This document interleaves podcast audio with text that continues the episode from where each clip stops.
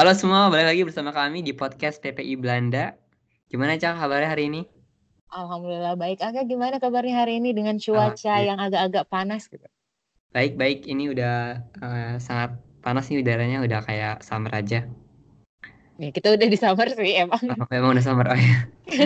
kita kali ini kita ngomong apa agak? Gimana? Hari ini kita ngomongin apa? Hari ini kita mau ngasih tips and trick nih. Tips and trick mendapatkan tiket pesawat murah dan transportasi di Belanda. Wih, keren banget. Eh, kita udah ada di episode keberapa sih nih, Kak? Episode 4 ya ini ya? Iya, kita di podcast PPB kayaknya udah episode 4 ya, setelah beberapa episode 1, 2, dan 3 yang sebelumnya. Dan episode 4 ini akan membahas tentang tips ya, and tricks mendapatkan tiket pesawat murah dan transportasi di Belanda. Oke, ada tips and tricks apa aja nih, Gak? Untuk uh, mendapatkan tiket pesawat murah buat teman-teman yang tahun ini, tahun 2019, tahun di bulan September kebanyakan akan memasuki tahun ajaran baru nih. Gimana caranya mendapatkan pesawat murah? Tiket pesawat murah. Mungkin kalau buat mahasiswa yang lama sih udah ngerti ya gimana caranya. Tapi kalau buat yang baru-baru nih ya, uh, harga tiket pesawat itu biasanya tuh tanggal-tanggal 20-an tuh cenderung lebih murah. Oh, kenapa tuh, Gak? Karena biasanya belum pada mau pulang. Hmm. Tapi ketika udah di akhir-akhir 20, udah kayak 30, 29 itu baru mahal karena orang udah mau balik ke Belanda, udah mau uh, entah mereka kerja atau mereka kuliah lagi udah mau mulai. Hmm. Dan ini ad ada hubungannya juga nggak sih sama uh, misalnya kondisi keuangan gitu. Kalau tanggal tua kan itu orang-orang udah pada menipis keuangannya. Wah, mungkin juga tuh bener. Kalau tanggal tua udah menipis jadinya lebih murah.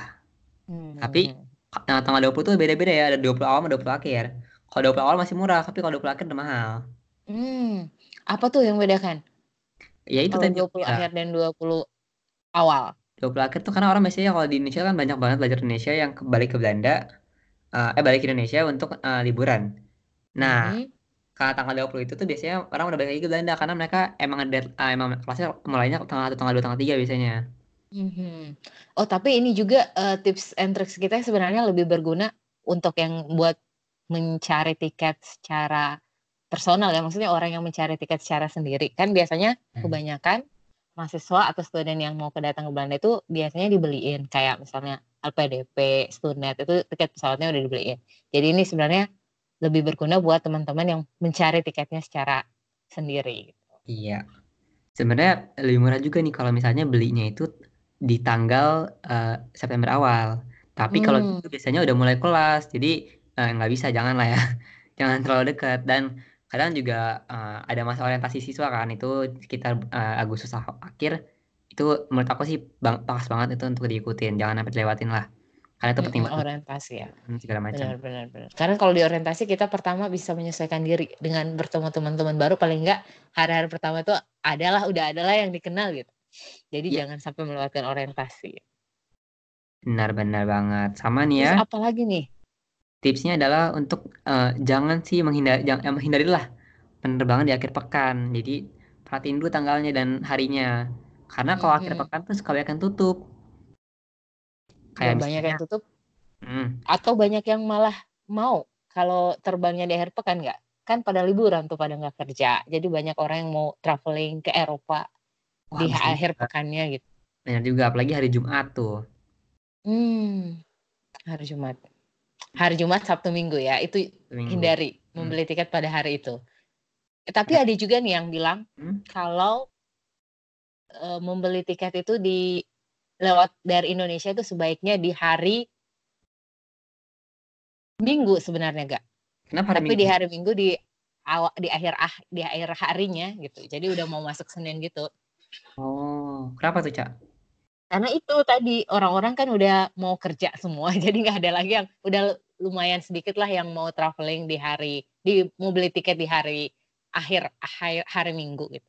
Oh benar juga. Sama ini aku ada uh, apa namanya ngasih sebuah was-was itu ya. ya.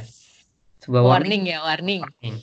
Karena kalau misalnya kita tuh nyewa rumah kan, mm -hmm kan itu kita harus ambil kunci dong berarti kayak nggak bisa kan kunci tiba-tiba dari Indonesia udah ada, udah ada kunci gitu jadi kalau saya memang punya rumah sendiri di sini nah itu kan tempat ambil kuncinya tuh uh, ada yang nge-staff ya dari kantor gitu oh, benar juga tuh housing entah itu di makelar entah itu di uh, yang punya rumah Nah, coba cek dulu aja mereka bisa nggak sih untuk ambil di hari uh, Sabtu Minggu. Karena kebanyakan mereka nggak mau ngambil Sabtu Minggu. Oh gitu ya benar juga. Ya. Gak ada yang mau nyediain ya kuncinya pada saat itu. Karena temen aku ada juga tuh beberapa temen aku yang mereka wah tiba-tiba Sabtu datang mereka bingung karena Sabtu nggak bisa ngambil ngambilnya baru bisanya hari Senin. Akhirnya hmm. paksa uh, last minute Nginep. hotel atau Airbnb atau hostel. Nah itu kan hal-hal yang seharusnya dihindari gitu. Benar-benar. Jadi harus juga men menyesuaikan jadwal dengan kampus ya, dengan ya. kampus ataupun dengan housing yang menyediakan yang akan memberikan kunci. Iya benar. Kalau aku sih pengalamannya kemarin uh, kampus sih yang ngasih kunci asrama, kunci kamar. Hmm? Jadi emang setuju apa yang agak bilang tadi kalau itu harus di hari kerja. Ya. Datangnya di hari kerja. Kalau kalau bisa rencanakan uh, karena mereka kan juga ada office hour-nya ya jam 9 sampai jam 5 biasanya. Kalau datangnya kepagian, ya udah akhirnya nunggu 2 jam 3 jam. Kalau datangnya kemalaman, akhirnya harus tunggu semalaman. Hmm, aku juga pernah gitu soalnya. Aku nyampe pagi, tiba-tiba aku nyampe kantornya jam 7 jam 8. Wah, aku jadi gimana tuh, Gak? Akhirnya aku jalan-jalan dulu bawa koper. Sejam 2 jam aku balik lagi. Wah, ya tuh itu harus diperhatikan juga sih atau bisa juga hubungin aja dulu teman-teman yang yang udah ada di sini itu bisa minta bantuan mungkin iya benar untuk memberitahu gimana sih caranya atau jam-jam apa aja sih yang untuk bisa ngambil kuncinya mm -hmm. tapi sebelum Terus apa lagi nih sebelum kita masuk ke teman-teman PPI atau teman-teman di kota ya uh, tujuan kita kita mau dulu nih kalau untuk penerbangan yang direct ke Belanda cuma satu oh Iya ya, Garuda Indonesia ya? Indonesia benar. Dan benar banget. Jadi karena... sebenarnya orang Indonesia yang mau datang ke Belanda itu terbuka lebar gitu karena udah diberikan peluang melalui Garuda ya. Indonesia. Direct flight.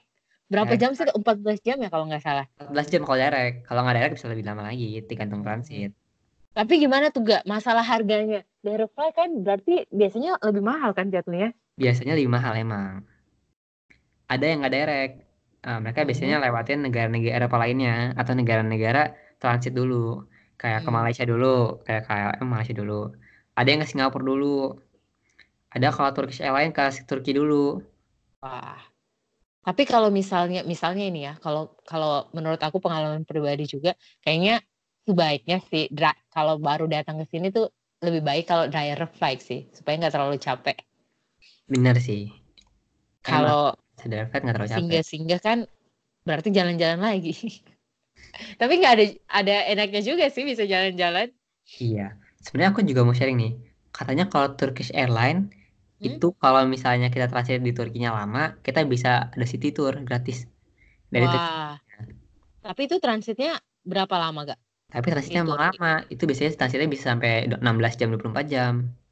Hmm, dan harganya juga jauh lebih murah ya dibanding yang iya, direct flight. Lebih murah. Dan bisa juga mendapatkan dua negara sekaligus, Belanda ya. dan Turki di waktu yang bersamaan. Dan, terus ada hmm, terus apa lagi nih, Kak? Ada apa lagi ya? Kita juga bisa itu loh, ikuti travel fair atau mengikuti media sosialnya airlines yang menyediakan penerbangan ke Belanda sama berburu tiket promo melalui aplikasi nih. Ini aku punya pengalaman pribadi baru aja terjadi kemarin nih. Jadi ceritanya aku mau beli tiket pulang kan hmm. ke Indonesia dalam rangka penelitian. Nah ke kebetulan harga tiketnya tuh ya sekarang lagi mahal banget. Mungkin karena aku juga mepet tanggalnya. Jadi aku menggunakan salah satu provider aplikasi yang menyediakan dunia pertiketan ya, yang menghandle dunia pertiketan yang misalnya kayak tiket.com, Traveloka, itu mereka biasanya menyediakan diskon-diskon yang relatif sangat-sangat membantu untuk kantong mahasiswa. Nah di aku kemarin tuh aku dapat diskon satu juta rupiah. Wow, banyak banget diskonnya. Jadi bisa ini teman-teman yang mau cari tiket itu bisa melewati melalui aplikasi tersebut, aplikasi-aplikasi tersebut untuk mendapatkan promo. Paling nggak potongan harga. Betul ada juga nih sebenarnya kita kerjasama dengan Garuda. Wah, sebenarnya gimana tuh buat pelajar-pelajar seluruh Indonesia di seluruh dunia sih. Tapi hmm. untuk uh, PPI Belanda juga ada gimana kita dapat diskon up to 15% untuk rute internasional dan 8% untuk rute domestik. Wow. Caranya? Caranya adalah uh, masukkan kode PPIX. Uh. ada promo. Eh tapi itu oh iya kayaknya harus pakai Garuda Miles ya, enggak? Oh iya ya? Ya, itu jadi harus pakai Garuda Miles. Jadi buat teman-teman yang kemungkinan akan menggunakan Garuda sebaiknya mendaftarkan dulu uh, di Garuda Miles, mendaftar di Garuda Office-nya untuk mendapatkan Garuda Miles.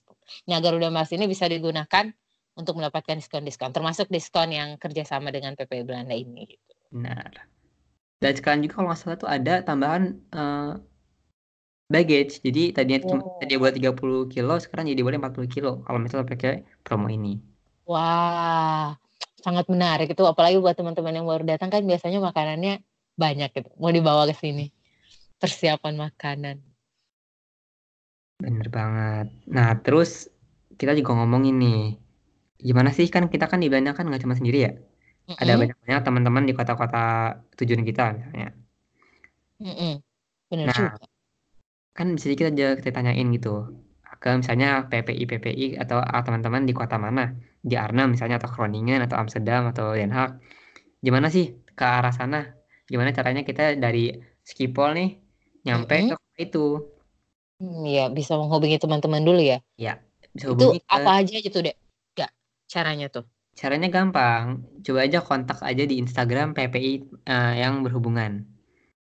Dan mereka juga biasanya suka ada email. Email dan kontak personnya dan uh, hampir beberapa hampir semua nggak semua semua tapi ada beberapa PPI lumayan banyak yang mereka menawarkan program penjemputan. Wah menarik banget itu program. Waktu agak ke sini dijemput nggak?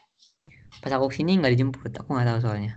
Ah, nah kalau aku dijemput kebetulan, kebetulan tapi bu sama PPI-nya juga dan sama teman aku sih yang ada yang kuliah di sini. Hmm.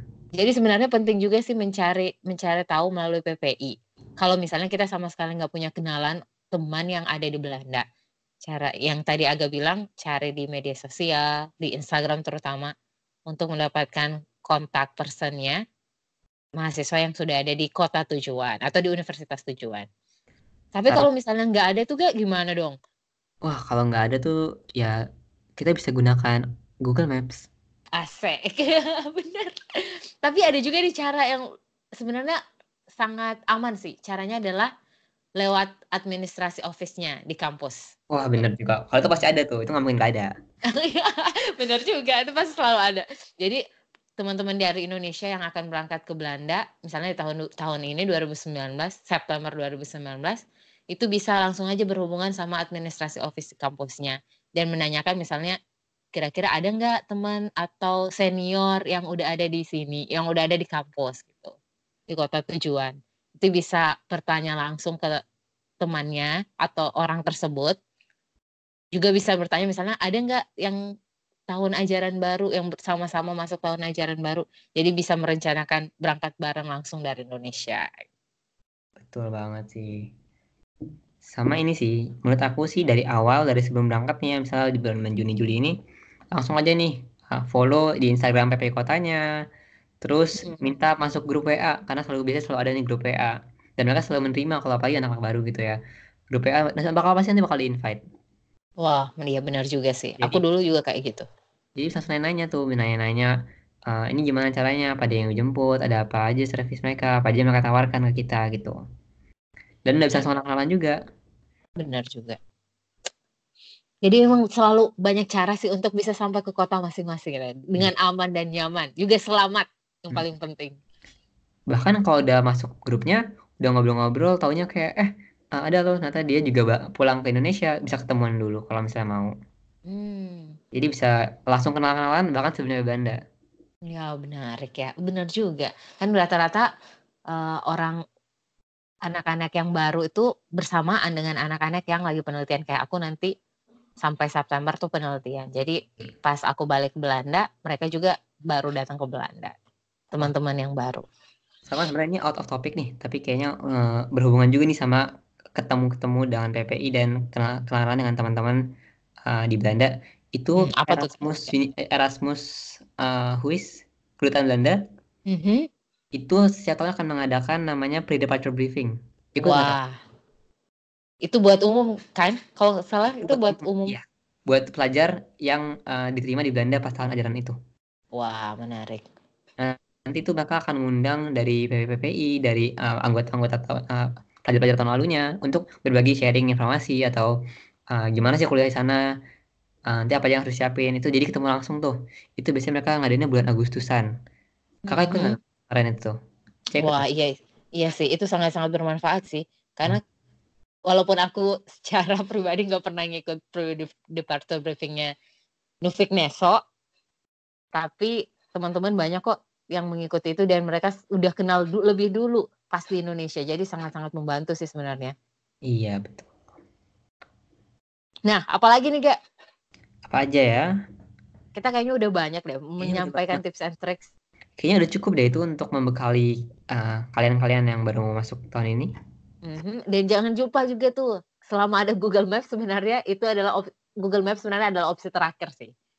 Iya, tapi Google Maps juga sebenarnya sampai main bagus lah itu. Uh, sangat ya cukup cukup akurat cukup akurat. Iya, sangat akurat untuk bisa sampai ke kota tujuan dengan aman dan selamat. Nah, sekarang kita mau bahas apa lagi nih, Gak? Kita mau bahas transportasi. Gimana Wih. sih caranya? Di Belanda ada apa aja sih? Ada kereta kah? Ada KRL? Ada MRT? Ada apa? Ada tram?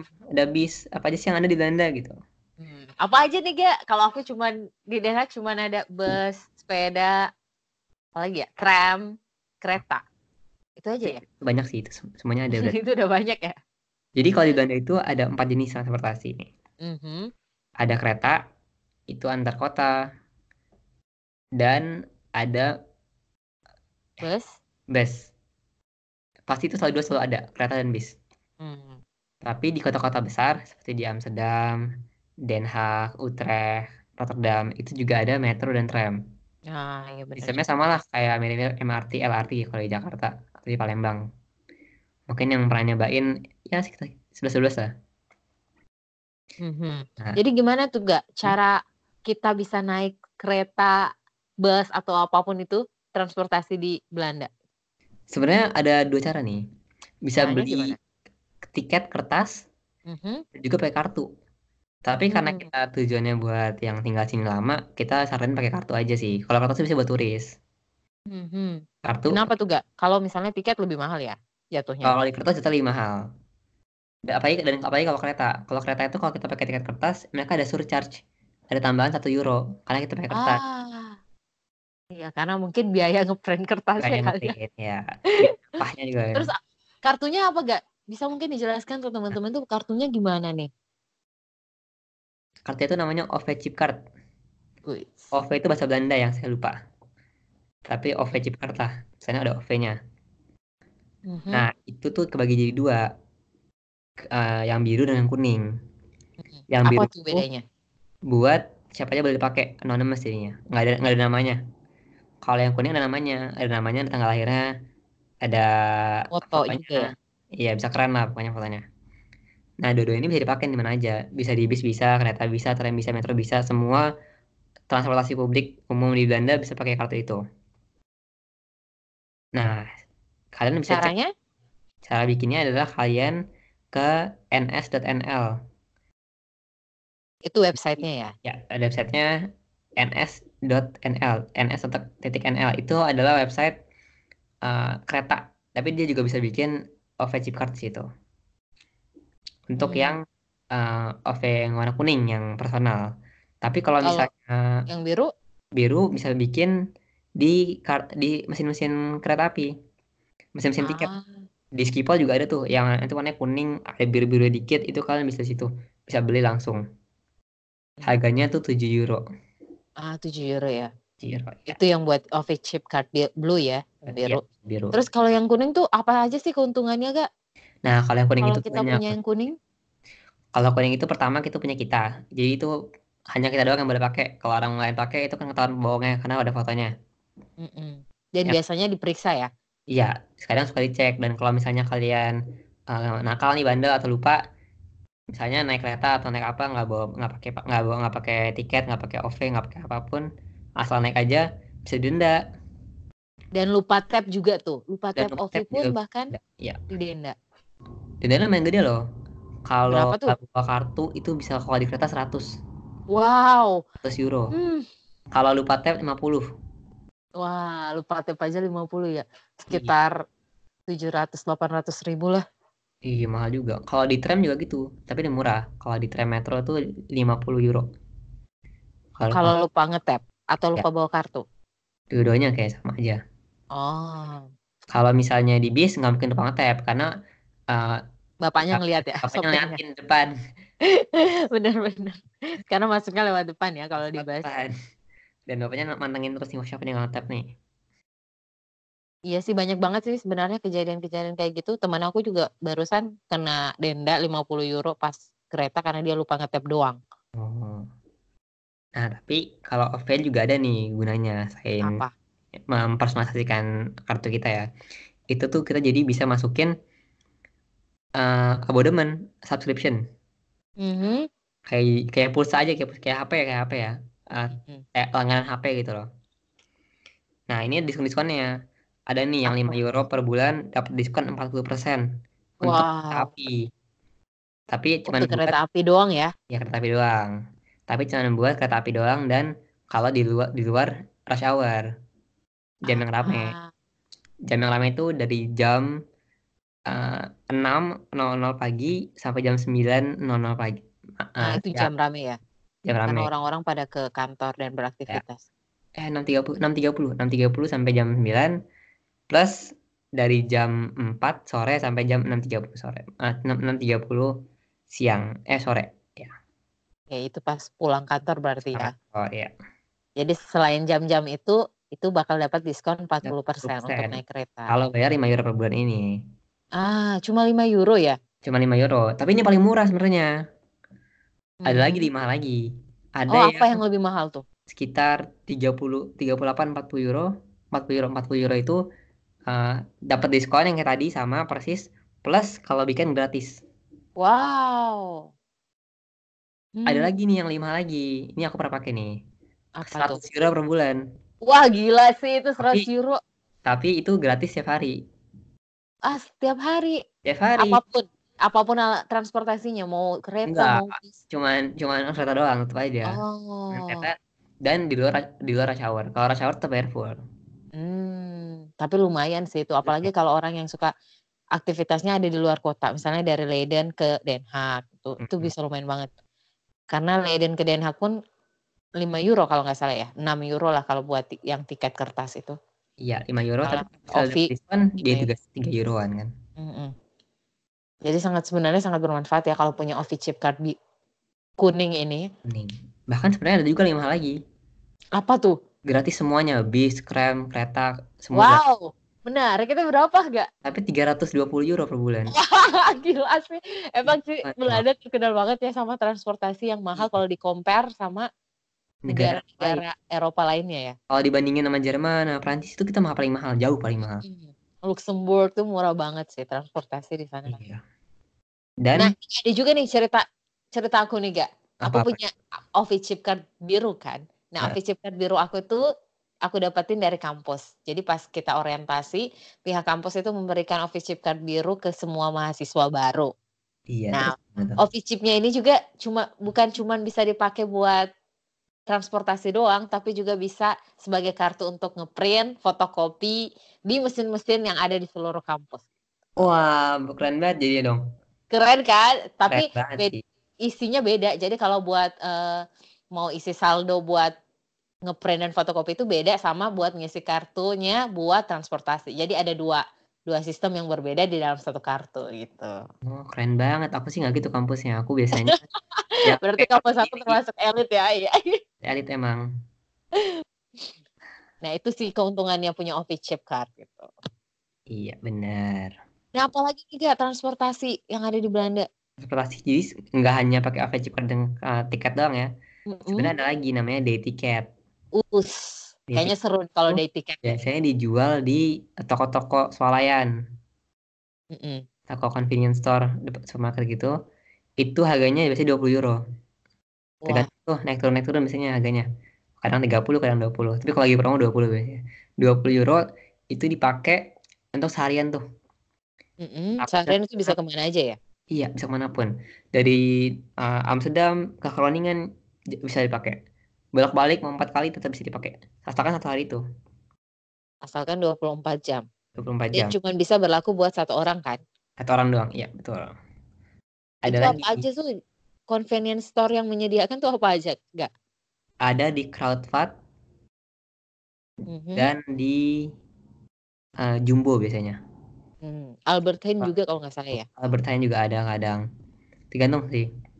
Bisa bisa dicek juga di AH.nl itu. Eh NS.nl itu. Hmm, apa siapa aja yang muncul ya? Oke.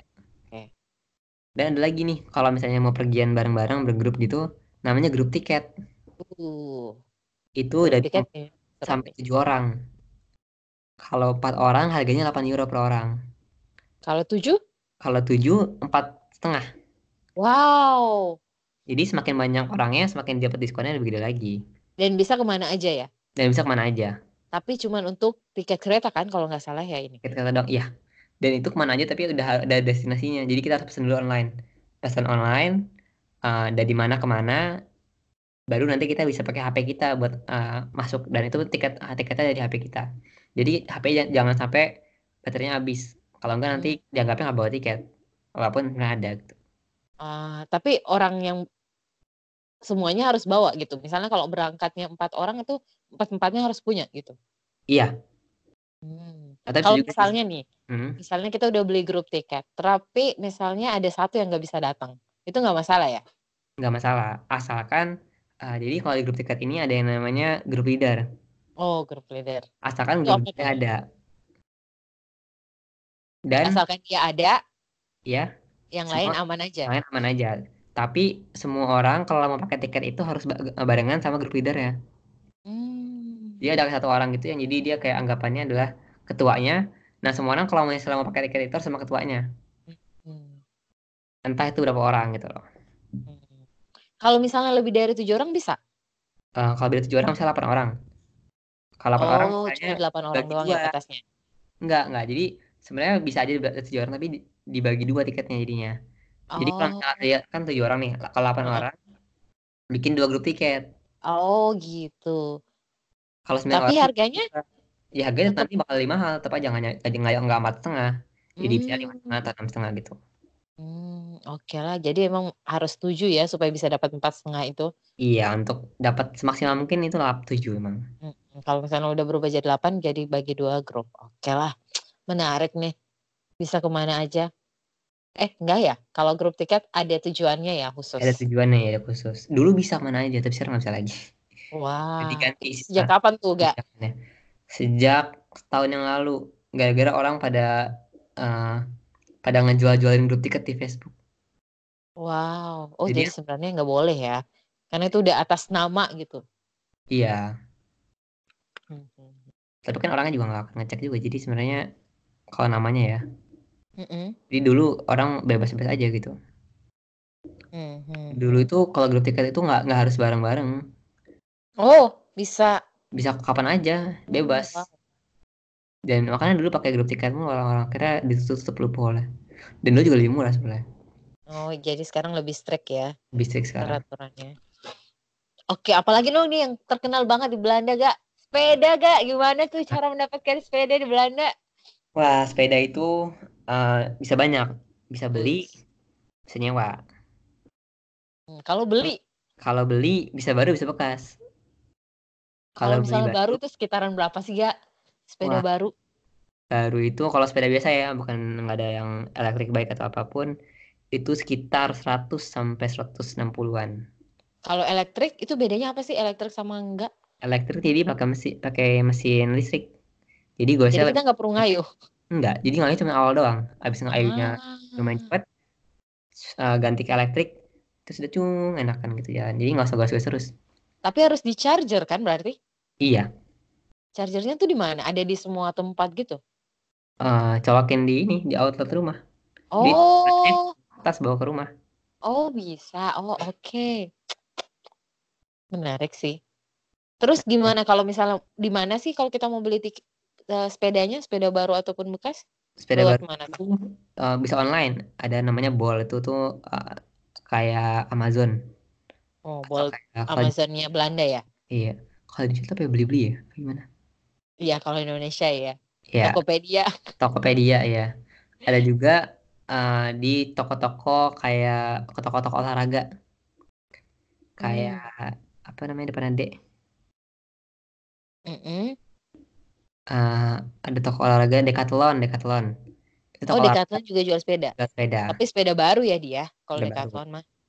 kalau Kalau bekas yang sepeda lama di mana tuh jualnya? Enggak. kalau bekas ada dua nih yang terkenal Hmm. di Facebook cari aja nih eh, bike selling di mana kota apa Den Haag atau Amsterdam suka ada grup-grupnya ada juga di eh, Marketplace namanya Marketplace kayak eBay Hmm. jadi mereka jual-jual barang-barang bekas biasanya Marketplace itu aplikasi ya berarti ada di Play Store ya. ada di Play Store ada aplikasi di eh, Android juga ada App Store ada juga di websitenya Marketplace juga di websitenya Ah, Kita bikin account dulu itu Hmm, kalau misalnya kita mau tahu nih kan be- barang bekas gimana nih caranya? Mau tahu itu masih bagus apa enggak? bisa ada fotonya harusnya ada fotonya terus ada kayak deskripsinya dan mereka bisa biasanya sih kalau misalnya sepeda mereka ini ya mintanya kopdar jadi Kopdar.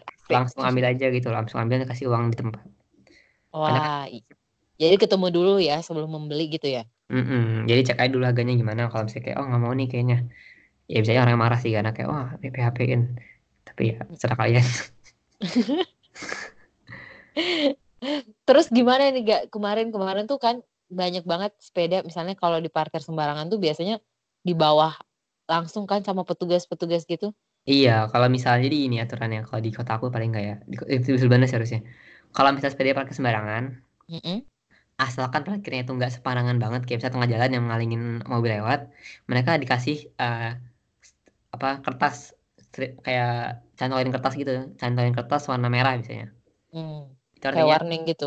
ada warning artinya gini kalau ini sepeda nggak diambil dalam waktu dua jam bakal dibawa sama petugasnya bakal di Kalau misalnya di bawah itu gimana tuh? Ada konsekuensinya nggak? Misalnya harus dibayar gitu.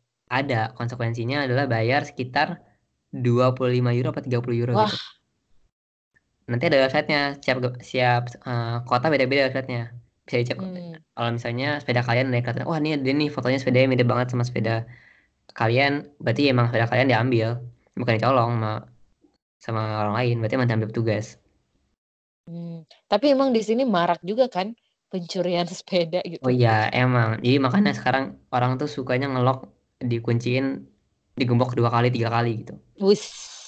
biar aman. Iya sih belum aman. karena sebenarnya gembok itu eh, nggak usah yang bagus-bagus banget. Asalkan lebih bagus dari sepeda sebe- sebe- sepeda sebelahnya. Yang datang kayak wah ini gemboknya bagus nih susah. Penting sambil landing aja. Wah bener juga ya. Menarik nih info dari Aga nih. Terus kalau misalnya nggak mau beli nggak? Tuh gimana dong? Kalau misalnya cuma mau datang, misalnya ya, Hmm. bukan mahasiswa, bukan yang mau lama di sini tuh, cuman traveling doang itu ada alternatif apa buat dapat sepeda? gitu? Kalau buat traveling doang, kalau misalnya travelingnya seminggu sih, eh, mereka ada yang jual sepeda gitu, eh, bukan jual sepeda, nyewa sepeda, Oh, nyewa sepeda itu ya. buat turis. Ada juga nyewa sepeda buat long term jadinya, kontrak Oh, 6 bulan, berapa bulan, tiga bulan, satu tahun gitu. itu di mana gak sewa sepedanya? itu sepeda-sepeda yang eh, yang buat turis tuh ada di Amsterdam biasanya. Cari-cari aja tuh, banyak kok yang sepedanya, oh biasanya warnanya sama gitu.